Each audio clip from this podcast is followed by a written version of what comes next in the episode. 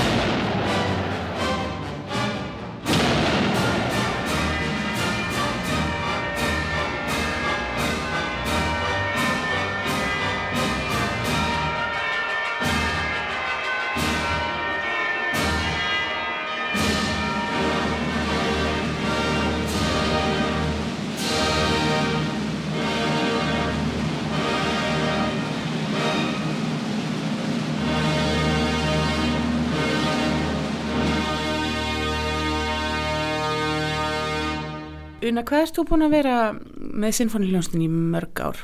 Ég er búin að vera í rúm átta ár.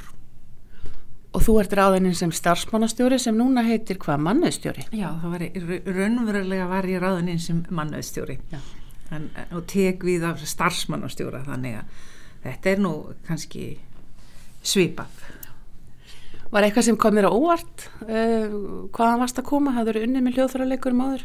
Nei, ég hafði nefnilega ekki gert það. Það var margt sem kom mér á óvart og hefur verið alveg heillandi að fylgjast með í gegnum tíðina. Það var kannski eitt sem kom mér mest á óvart og það var emmitt líkamsbeiting hljóðfæralegarans í vinnunni. Það fannst mér alveg óskaplega sérstakt og svo auðvitað heimurinn út af er heillandi. Ég hafði komið úr flugbransunum, hafði unnið mörg mörg ár hjá Æslandir og flugleðum þar á undan eh, þannig að það var alltaf í sig geiri en áhugaverður samt sem áður en þessi er nú ennþá áhugaverður fyrst mér og heillandi Og öðruvísi álag þá á fólk, væntalega? Já, algjörlega. Það það sem að mér fannst svo sérstakt við að koma hérna inn. Það var meðal annars, eins og ég sagði aðan, líkamsbeitingin og umhverfið, allar þessu háaði í þessari indislu tónlist okkar.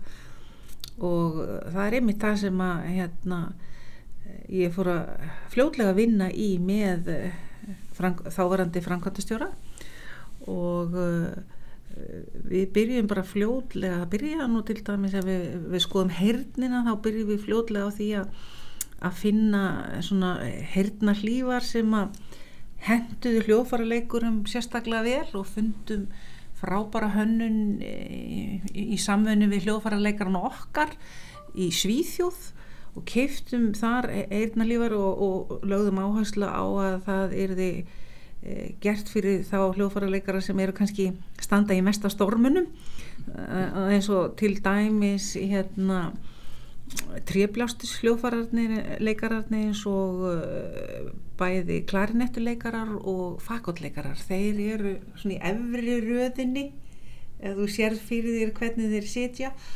Og í dag er það orðið þannig að við erum búin að kaupa svona sérstakar hljóðlífar fyrir alla þessa sex hljóðfærarleikara og þeir sita beint fyrir framann slagverkið? Já þeir sita beint fyrir framann slagverkið og oft er básúnan líka fyrir aftan og trompetin, það er eftir hvernig uppsetningin er mm. en oftar en ekki eru, eru hodnin aðeins til hlýðan en, en það, þetta eru náttúrulega málumblástus hljóðfærin sem að heyrist vel í Já og þú segir sko við vorum að, að tala á þann og þú bara hverjum dætt í huga að spila fylgu eða búa til hljóðfæri sem að spila svona á. Það var eitt af því sem ég hugsaði því að horfið á þau með þessa fylgu undir hérna bara eiginlega upp í hálsakotinu og oft sér maður hljóðfærarleikara bara með svona mar, mar á hálsunum eftir miklar æfingar og, og stóra og mikla tónleika.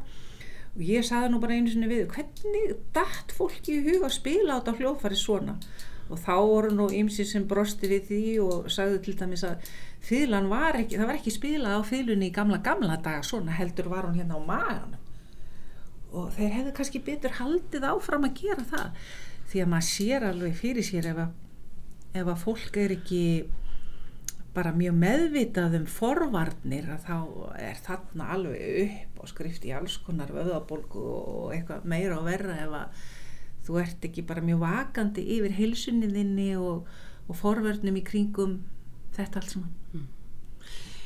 Nú var um daginn dagur hirnar Já. og þið nutu góðs af því Uh, hér komi mælingamenn uh, til þess að bæða að mæla hljóðfærarleikara og, og uh, líka bara mæla decibelin á, á sviðinu um, var þetta ykkar óskaða var, var það vinnu eftir litið sem óskaða eftir þessu eða hvernig, hvernig fór þetta fram?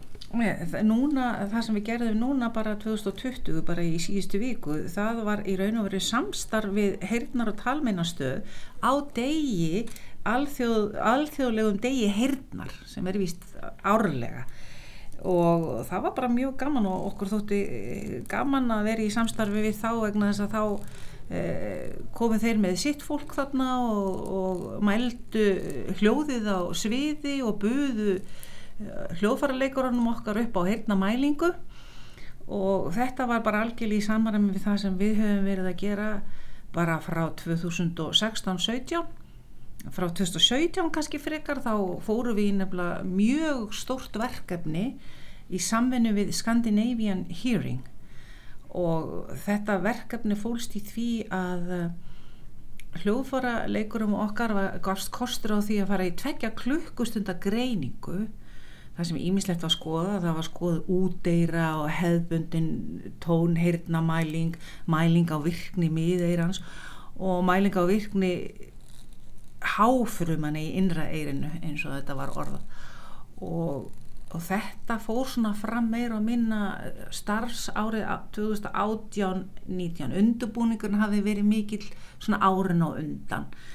Og uh, þetta var mjög áhugavert og auðvitað var þetta á einstaklingsgrunni hver og einn bara skoðaði sig og, og, og völdu hvort þið vildu taka þátt í þessu eða ekki en mjög margir tóku þátt í þessu. Nú, það sem gerist svo síðar var það að við tókum ákvörðunum að bjóða hljóðfæranleikunum sér smíðar heyrnavarnir sem eru algjörlega einstaklingsmiðar og það svona fyldi kjölfarið. Og við bara fjárfestum í þessum erðna vörnum fyrir hvern og einn fastarann starfsmann okkar.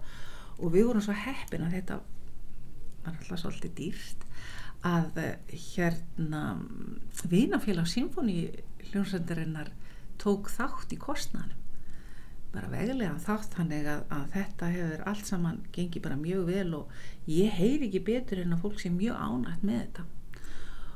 Og ég held að þegar við horfum bæði á forvarnir og til framtíðar að þá er þetta svona verkefni sem heldur alltaf áfram hjá okkur. Við þurfum alltaf að vera vakandi fyrir þessu því að umhverfi hljófaralegarnas er þannig.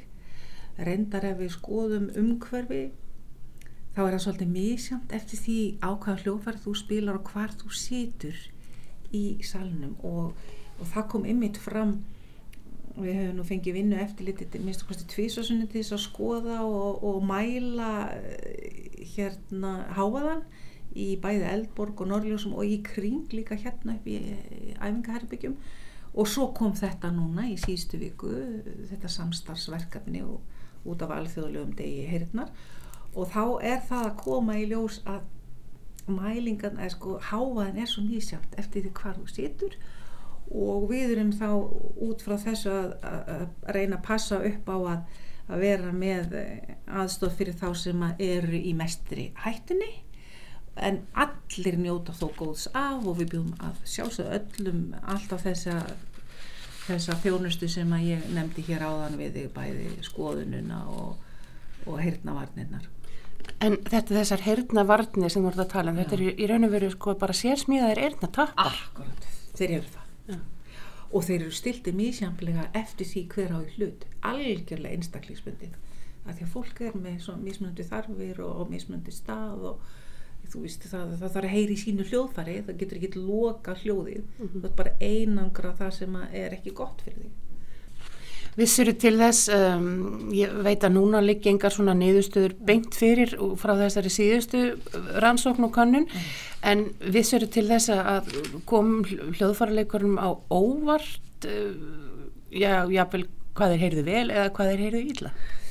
Ég heyrði nú ekki neitt slíkt, sko, ég held nú samt að ekki þarna, ekki eftir þessa hérna, mælingar en ég held nú að flesti svona hérna viti svona sirka hvernig staðan er hjá hverjum á einum. Ég held það nú. Mm. Þannig að heyrnir sá hlutur sem á kannski við tökum algjörlega sem sjálfsögðun hlut. Já, eftirvill en ég held að það, það er alveg sérstaklega mikilvægt fyrir hljóðfærarleikar að heyra, heyra vel og að passa upp á akkurat þennan hlut mm. og það er svo margt hægt að gera maður getur gert svo margt sjálfur.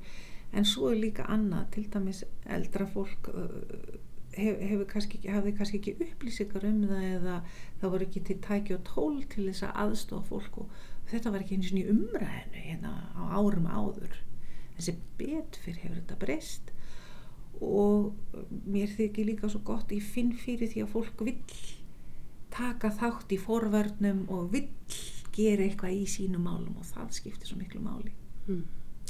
Svo veit ég, talandu um forvarnir að þá veit ég að, að sumir hljóðfærarleikarar taka pásuna alvarlega og þeir gera æfingar.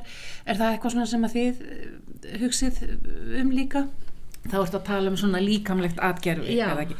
Í aldilis við hvetjum fólk til að taka þátt í þessu og það eru tvær konur hérna hjá symfóníinu sem tók þetta upp hjá sjálfi sér að, að vera með svona æfingar og talandu um ekki bara hernina heldur bara líka mann í heilsinni þá voru við með svona helsu átak sem var bara byrjaði hérna 2017 og við erum mjög stolt af því. Þá bara tóku við allt í gegn. Við, við fórum í samstarfið Helsuborg og uh, þar gafst hverjum að einu hljófarleikar að tækifæri til þess að fara í heilsumat viðtal við 45 mínuna viðtal við hjúkunafræðing og síðan fengum við mikla fræðslu, fólk kom hinga í hús og talaði um streitu og, og hérna forvarnir, hvernig við getum við buðum upp á afslætti til þess að fara í líkamsrækt.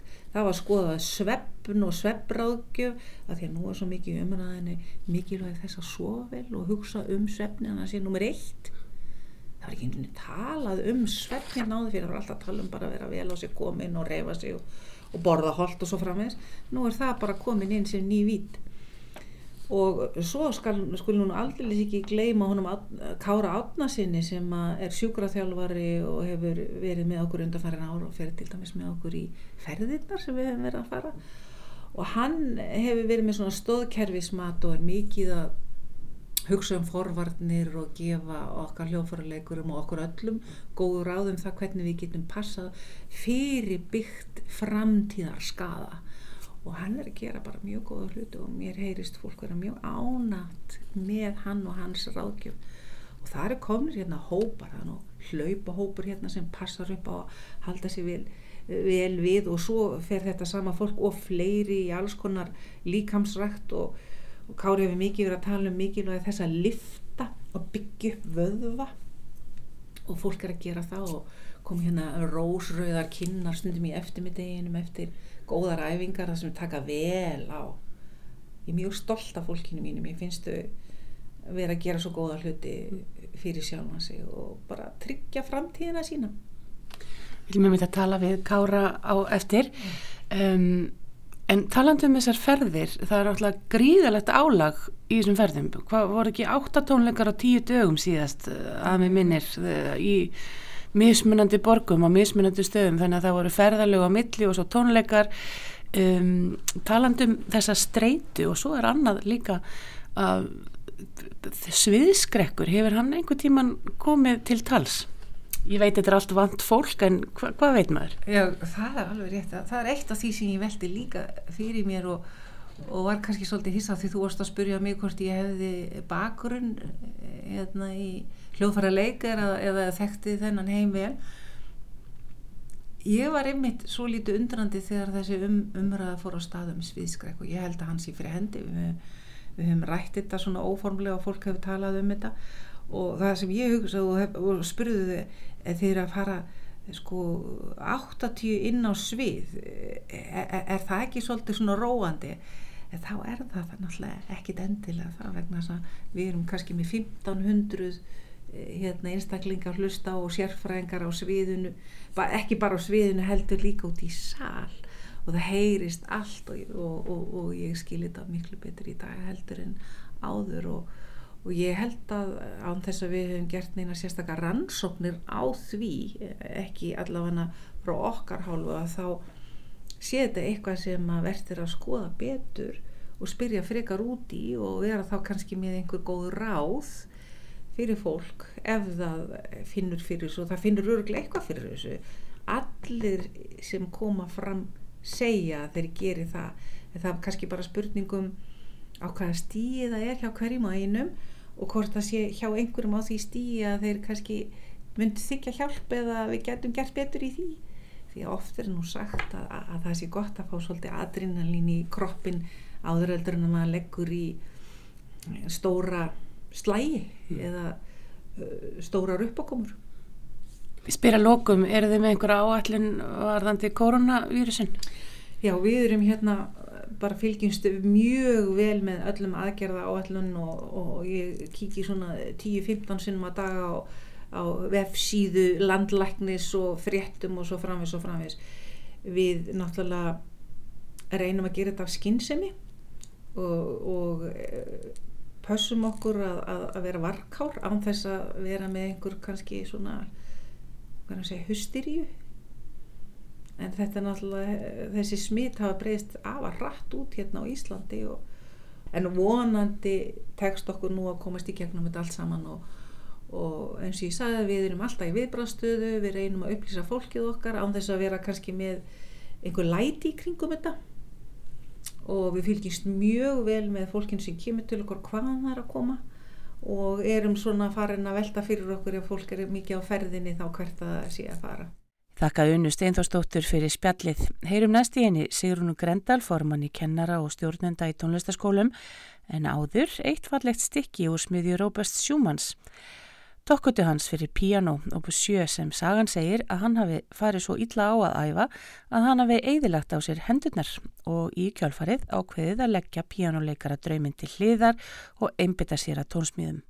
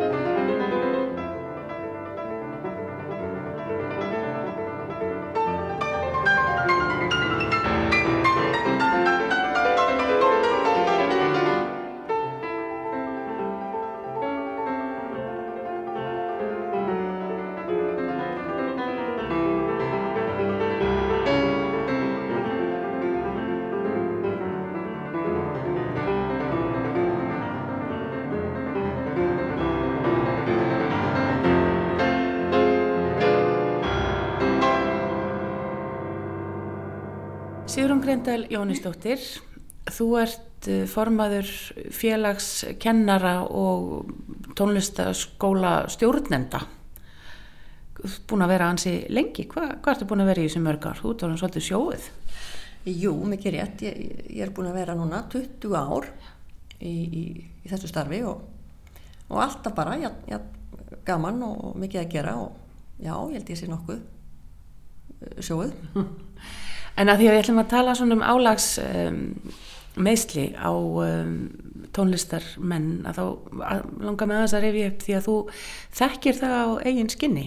Ef að ég útskýri fyrir hlustundum og þá mann ég að við útskrifum saman úr tónskólum í Reykjavík og þú varst að æfa undir þitt einleikara próf setni hluta og þá fegst þú eitthvað í hendunar þannig að þú áttur svolítið bátt Já, gott að þú mannst þetta með mér. Og kannski hérna, að hluta til er ég hér í þessu starfi vegna þess að þarna gerist. Er, eftir að ég lík mínu kennar á prófi og einleikar á prófi og þá horfið ég nú svona yfir hafi til frekara náms. En ég átti þarna í miklum erfileiku með að æfa mig eins og ég vildi og eins og þú þekkir að, að þeir sem smitast af tónlistarbakturíni þeir vilja gætna gefa sér allan í viðfenginu og æfingarnar og þetta getur verið frústrerandi ef að hérna olbúar, tennis olbúar og slíkt hérna uh, svona hamla manni þar og, og, og, og maður vil helst vera þannig þessi bara, uh, maður þurfi ekki að horfa til þólmarka en þetta sérst uh, hafði þau áhrif eftir svona langvarandi meðisl að ég afþakaði þá styrki sem ég var hérna búin að áskotnast og Já, og hef ekki enn farið yfir hafið. Hvernig lísti þetta sér? Þetta eru, sko það verða þarna þessar bolgur í vöðvafestum og, og þetta er svona svolítið staðbundi en leiðir síðan út í handleggi, framhandleggi, upphandleggi og þetta getur verið bara, það eru verkir, jætnilegur og sefur og þetta tekur, þetta tekur tíma og það er náttúrulega eðlið mál samkvæmt erfiðar að ná sér ef maður er í undirstöðu álægi ef maður heldur áfram að æfa. Og já og þegar þetta er eins og maður segir svona líkamleg hérna, meðist þau aftur að þá verður verður maður líka dabur og hérna og ef maður er í, þannig gerður maður vil helst bara hérna, einhenda sér í verkefnin og hérna og ekki verið að taka á marga pásur og þá getur þetta verið strempið stríð Hvernig fóstu í gegnum prófi? Bara, tókstu bara verkelif og, og, og rakstu þig áfram? Sko já, maður gleiftu þetta svona eitthvað bólguðjandi og, reynda að fara í ég hafði nú leitað mér náttúrulega hérna, aðstóðar í, í feldingræstækni, alessendirtækni sjúkraþjálfara og og sund og, og svona allar leiðir sem maður hérna reynir að nýta sér. En eh, síðan var, eh, var þetta bara þannig maður, fór þetta bara á hörkunni. Þú talar um þessi feldingræstækni Alexander tækni, þetta var eitthvað sem við um, lærðum í tónskólanum í Reykjavík að minnstakosti Alexander tæknin er þetta ennþá við líði, er þetta ennþá verið að nota þessar segja okkur aðeins hvað þetta er. Já, sko, sem betur fer þá er uh, öll meðvitund um, um þessa hluti að hérna, aukast hjátt og þjátt og, við erum með miklu fleiri uh, úrræði uh, fólk sem að, að sérhafið sig í, í þessu. Og það er bara svolítið mismundi hvaða, hvaða leiðir gagnast eða, eða henda fólki. Sumar af þessum leiðum eru svolítið að taka heilstætt líkamsbeitinguna og, og við þekkjum það nú, það þarf ofta að horfa hlutina heilstætt og þarna eins og feldingræs og allir tækni þetta er svolítið að þú ert að horfa hlutina heilstætt hvernig þú ert að beita þér í, í nánast á öllu. Að, að svona ferða aðeins til hérna, upphafsins. Og í dag myndi ég segja að, að fólk hlusti mun betur eftir þeim svona líkamlegu þólmörkum sem við öll höfum. Og taki þetta jáft og þétt inn í við bæði nám hjá nefndum og, og, og fólk sem að leggur svona krefjandi e, verkefni e, fyrir sig það bara hreinlega verður að e, sinna þessum samhliða mm.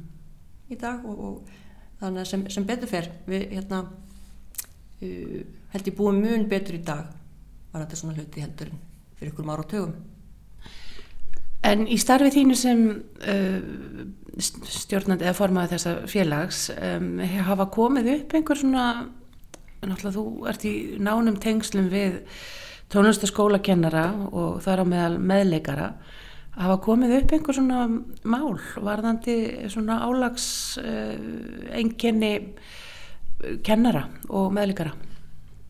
Já, svo, svo sannarlega. Það er, það er nefnilega talsvert hérna, margt sem þarf að stilla af uh, fleirin hljóðfærin fyrst maður þarf að stilla af í, í kringum tónlistaræfingar eins og hluti. Og þegar fólk kemur inn á starfsvettfangin í, í tónlistaskólanum að þá í dag þá bara er ekki krafum það að starfsumhverfið eða hvernig sko vinnuskiplaðið er að það taki þessa þekkingu líka inn.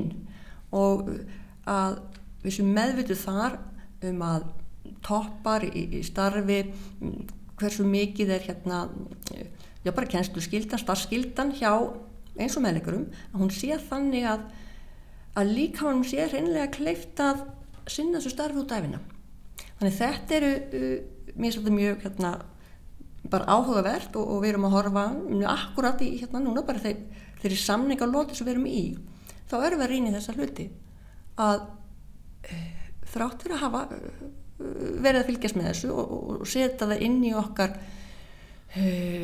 svona vinnu okkar vinnuramma.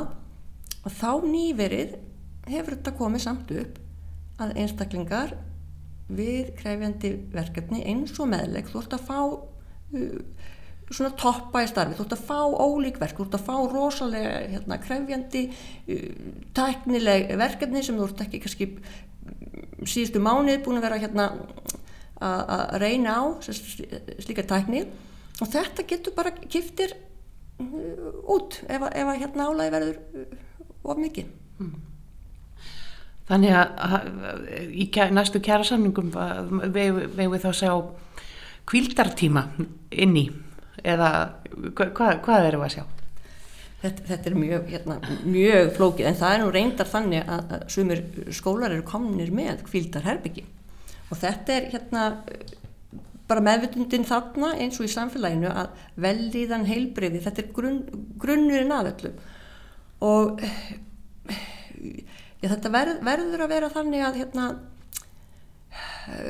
við, við byggjum á þekkingunni. Sko við erum náttúrulega enn í tónskólum að vinna í kringum og laga okkur að öðru starfi. Þannig eins og þú þekki líka að þá er stundum þrýst ám það að, að það sé teknar fáar pásur. Það þarf að nýta rými, það þarf að nýta stofarnar hérna, og, og enginn vil að, hans tími dræðis fram á, á, á kvöld. Og þetta er þetta er áhættu þáttur og, og jættframt skipulægið og við tökum það svolítið meira inn að meta til dæmis bara erfiðleika verka það er ekki það sama að taka hérna, meðleik fyrir hérna, blásarna, þú þekkir það eða, eða hvort þú ert að vinna með með, með hérna kannski byrjanda og, og, og, og þú lest þetta á bladi þannig þetta allt kjara samlingar eiga svolítið kannski erfitt með að taka þennan sveileika inn en við teljum þetta nöðsulegt. Þa, það er uh, okkur ber skilda til að hérna breyðast við þessu. Snúum okkur aftur að þér hefur einhver tíman svona mm, blundað í þér ah, vildi þetta hefði ekki gerst. Þá var ég kannski einhverstar annar staðar í dag. Sko það einhvern veginn, hérna nú sittum við hérna í nýju uh, skristofur ími Kennarsabands Íslands hérna í Borgatúni og, og, og horfum hérna á esuna og hérna líðum við mjög vel. Og ég bara satt best að segja, ég átti kannski ekki vonaði því ég var með þessa bakterju að þessi svona félagsmála bakterja hún bara um, hún held tók mig. Þannig þessi, þessi hugsun hún hefur bara ekki komið. Já, þetta bara leitti mig þessa, uh, þessa leið og, og ég er bara afskaplega sátt. Félagsmála bakterían tók yfir eða blandaðist tónlistbakterínu kannski bara? Já, það er þannig. Ég er alltaf hérna með annan fótinn í tónlistinu. Spila hana mikið í dag? Ekki nóg, en ég er svo heppin að, að drengirinn tveir eru í, í tónlistanámi og, og hafa áhuga á mörgum hljóðfærum. Þannig að ég fænum stundum að setjast uh, við flílinn og leika undir.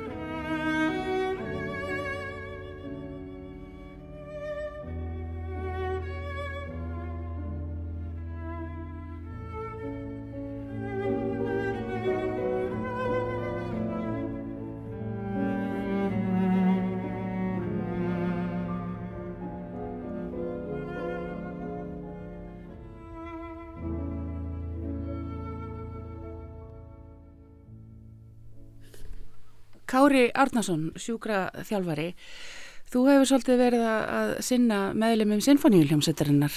Uh, hvað ertu búin að vera lengja því? Það eru núna fjögur ár, tæplega, sem ég byrjaði að vinna með þeim. Byrjaði rauninu bara eftir ég kom heim frá Englandi úr mastersnáminu mínu, þar sem ég einmitt tók masterskráði í því sem kallast Performing Arts Medicine og sér hafði mig í meðhundlum tónlistamanna og þá lág vel við höggja að fara að byrja að vinna með symfóníunni sko. Mm. landsliðin okkar í músik Sér það einhvern svona samnefnara hjá af þeirra vandamálum? Og já, við, við íþjóttum með þá með þetta er náttúrulega bara, músikantar eru bara íþjóttumenn í sínu sporti sko eh, gríðarlega líkamlegt starf sem við sinna sko en uh, það hefur ekki alveg verið partur af þeirra kultúr í gegnum bara í rauninni aldinnar að, að líta á sig sem íþróttamenn sko og ég var einmitt á, á fundi núna síðislega sumar í Finnlandi þar sem helbriði starfsmenn sem vinnaði tónlistagerðan komu saman og þar var einn normaður sem var uh, túbuleikar en nýsestur í Helganstein og hann nefnitt sagði þegar við fórum að ræða þessi mál að þegar hann var að læra þá var það náttúrulega bara álítið ef þú varst í músik og íþróttum á sama tíma þá varst ekki alveg músikant sko. En núna hlutinu eru hægt og rólega breyðast og fólk er að uh, það má kannski segja að er unni líkamlega álæði sem fylgir starfið þeirra en mér finnst að það er að fá bara meiri viðurkenningu sko.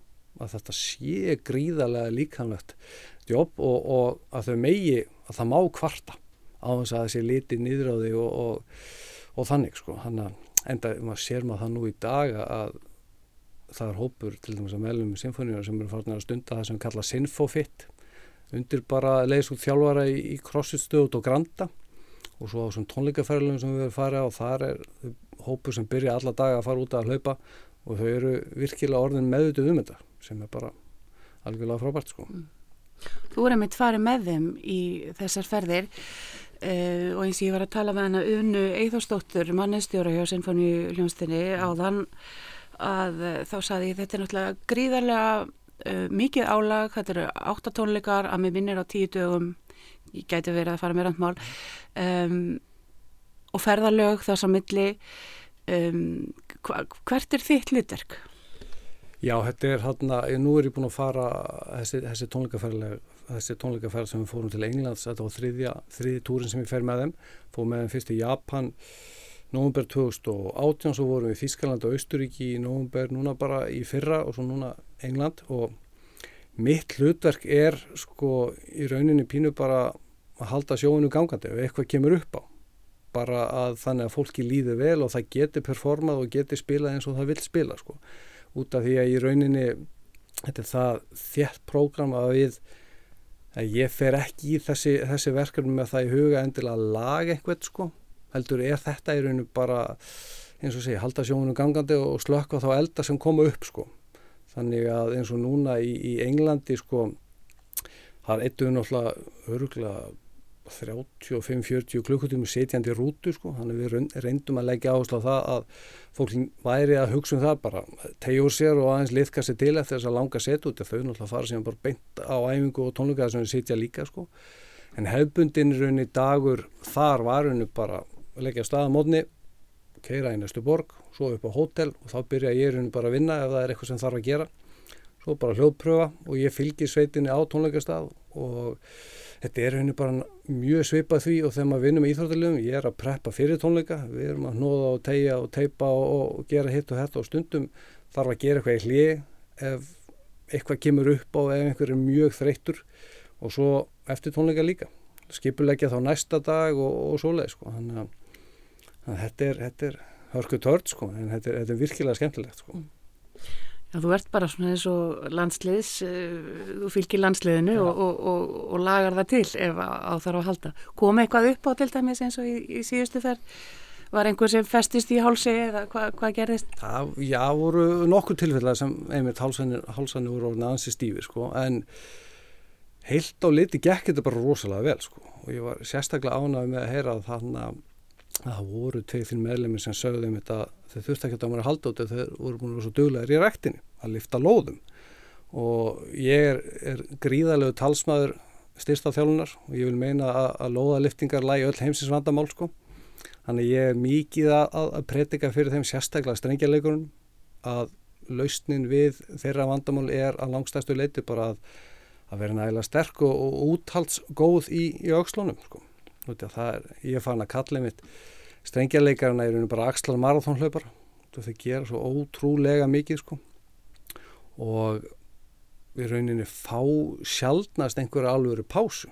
Þegar maður fer einmitt að horfa á symfóninu og spila og horfir á í rauninu hvað þau eru að gera með þessum svona líkamlegu augum þá sér maður það að strengjarleikarna erum nánast bara allan tíman að sko. Þannig að það er ekkert skrítið að það verði einhver þreita sko þannig að það var mjög gaman að heyra núna að fólk er farið að finna það á eigin skinni að þetta virkar mm. sem bara gleð, gleður mig og mitt, mitt lóða hjarta sko. Þannig að þetta eru, það, þetta eru forvarnirnar. Uh, en svo þegar kemur að því að, að laga, um, eru strengjaleikarar almennt, eða að ekki strengjaleikarar, eru fylgu og víóluleikarar með sömu vandamálinn og eru, eru fagotleikarar og klaranettuleikarar með önnur vandamál og hortleikar með þriðju vandamáli. Hvernig, hvernig er þetta? Það er aðeins, já, það er, er mismunum á milli, milli hljóðfara hópa og ég, mér finnst ákveðt að líka þessu við í rauninni, það fylgir, það er annað álag sem fylgir því að spila fylgu og hotn, sama og það er ekki sama álag sem fylgir því að vera sprettlupari og, og spila rauninni, þetta er, dif, já, þú veist, sikkvort sportið þannig að þú þarfst að nálgast þetta á, á ólíkan hátt, sko, þótt að það sé margt sameilegt en þá eru svona litli núansar hér og þar sem eru í rauninu öðris og, og sérstaklega fyrir, hver, fyrir hvert hljóðfæri sko. og sama eins og með strengina við erum búin að sjá það núna að það er ekki að sama að spila fyrstu fílu og aðra fílu það eru, þú veist, ólíkar kröfur sem fylgja því sko. Eins og ég segi stundum að það er kannski pínu eins og vera hafsendi í fókbaltaliðið eftir bakvörður þetta eru rauninu svona lítil smáadri inn á milli sem geta samt alveg haft hellinga að segja um að það er virkilega að spá í sko og þá kemur svo vel í rauninni að þekka inn á músíkinu og þekka hljóðfærum þú þarfst aðeins að vita segi, hvernig, hvernig smáadurinn í kringum það að spila og hljóðfærin eru til þess að geta nálgast þetta á, á sem bestan máta sko. og kemur, ég er allan að græða á því að ég hef sjálfur með, með tónlistabakun og spilaði músík nánast alla mína barnæsku og í rauninni fram, þá ég voru 25-6 ára sko. þannig að þetta er svona ég tel mig vita eitt og annað um hljóðfærin sem gagnast mér sérstaklega í, í þessu starfi sko, og þessari nálgun sko. en þau eru líka alveg að, fatta það líka þeirra, að þau þurfa að horfa á í rauninni hvaða kröfur fylgja þeirra hljóðfæri og þau þurfa að aðlaga í rauninni sína þjálfun með það í huga að, að geta tekist hvað best á við þær kröfur sem er þessi rauninni finnst mér svona frekar ný nálgun á þetta, hefur allan ekki mikið farið fyrir þessari sértækku nálgun í meðhandlu tónlistamanna, mm. vel þekkt í íþróttunum.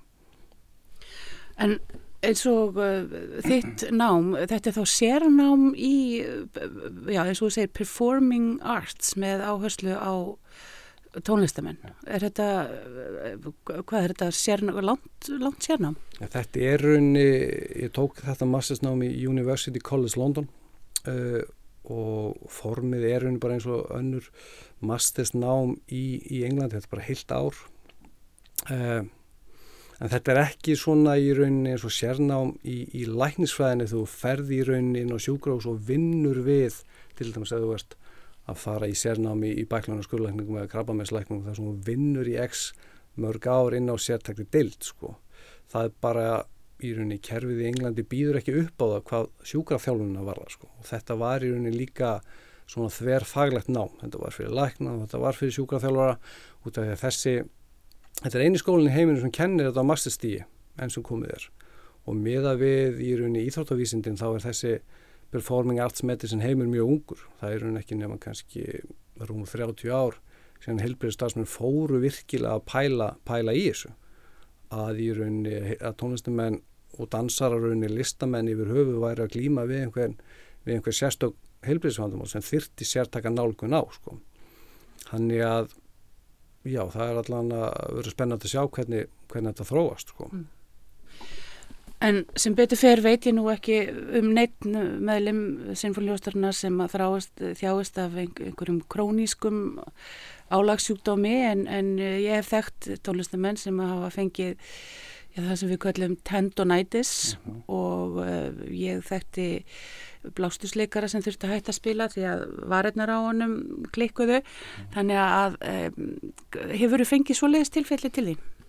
Um, nei, sem betur fyrir ekki einhvern sem var alveg við það komin að þurfa að leggja hljóðfærað á hilluna sko, sem betur fyrir sko. Um, en það er einmitt nálgunin sem við tökum pínu og það líka er Eh, ég er að kenna nefnilega í, í listháskónum, ég er að kenna kurs sem heitir líka með list og helsa og er svona forvarnaði fyrirbyggjandi kurs fyrir fyrst ást, tón, tónlistanemyndunum þar sko og búin að vera að kenna það núna held ég í, ég held sér, fymta ári sem er í gangi núna sko og það hefur gengið, gengið rosalega vel. En þar meðal annars hömrum við þetta aldrei á því í rauninni að þau temja sér hotlar æfingavennjur einmitt til þess að, að draga úr því að þau lendi í einhverjum svona vandamálum í framtíðinni sko.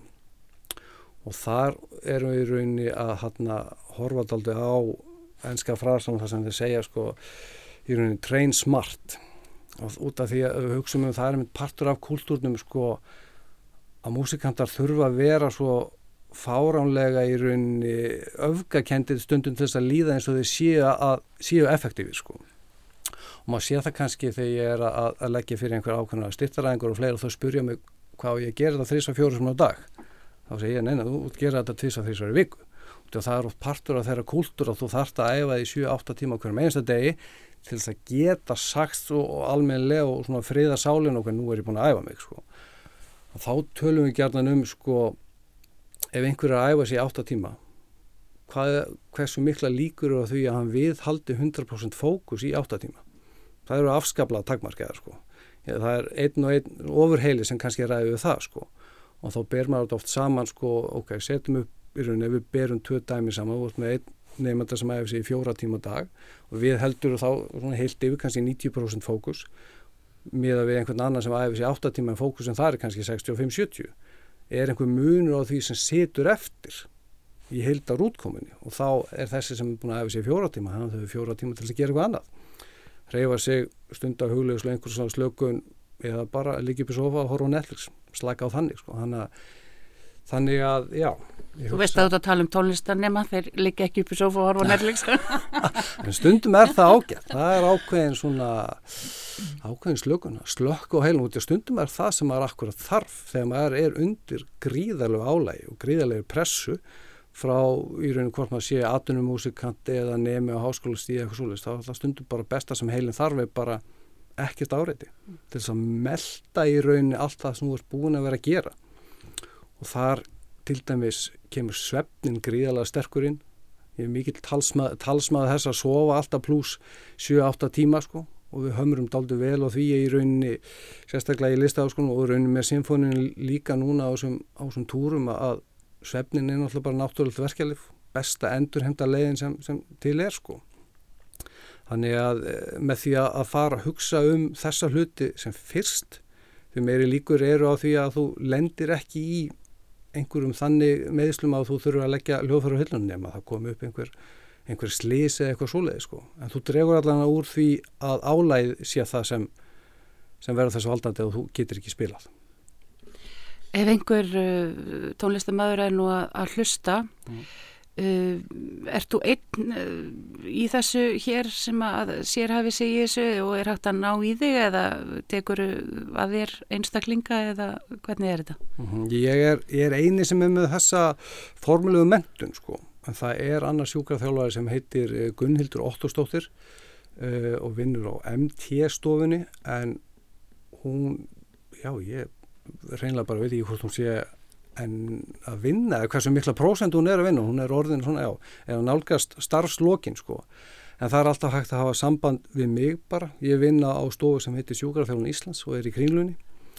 Og vinn þar í 60% starfi á samt því að vera kennar í háskólan í Há, Háskóla Íslands en það er alltaf auðvöldast bara að senda með tölvupóstung með tölvupóst segi og upplýsingar um, um e-mail mitt er bara að finna á heimasíðu heimasíðu sjúkraþjálfun Ísland sem er bara sjúkraþjálfun.is og það er svona partur af þessu jobbi að ég reyni að láta músikant alltaf komast sem fyrst að þannig að byðin er ekki laung út af því að það er engin tími til þess að kvíla sjóið þarf að vera það, það þarf að rulla áfram sko. þannig að kvildin er einhvern veginn sjálfnast sjálfnast mikil möguleiki sko, sem gerir þetta í rauninni stundundaldi krefjandi en á sama tíma spennandi að vinna þannig vinnu að þú þart alltaf að vera klár í að performa sko. En það gerir það líka verkum að fólk þarf að taka ábyrð og, og hugsa, hugsa um öll þessi litlu aðrið sem það getur sjálf gerst til þess að það sé sem mest tilbúið að að performa undir miklu álæg Ágættu hlustendur, þessi loki í dag, ég þakka viðmælendum mínum þeim Unu Steinforsdóttur, mannustjóra Sinfoníu Ljómsdar Íslands, Sigrúnu Grendal, formann í félagskennar og stjórnenda tónlistaskóla og Kára Árnarsinni sjúkraþjálfara fyrir spjallir. Þángat í næst, hafið það sem allra best.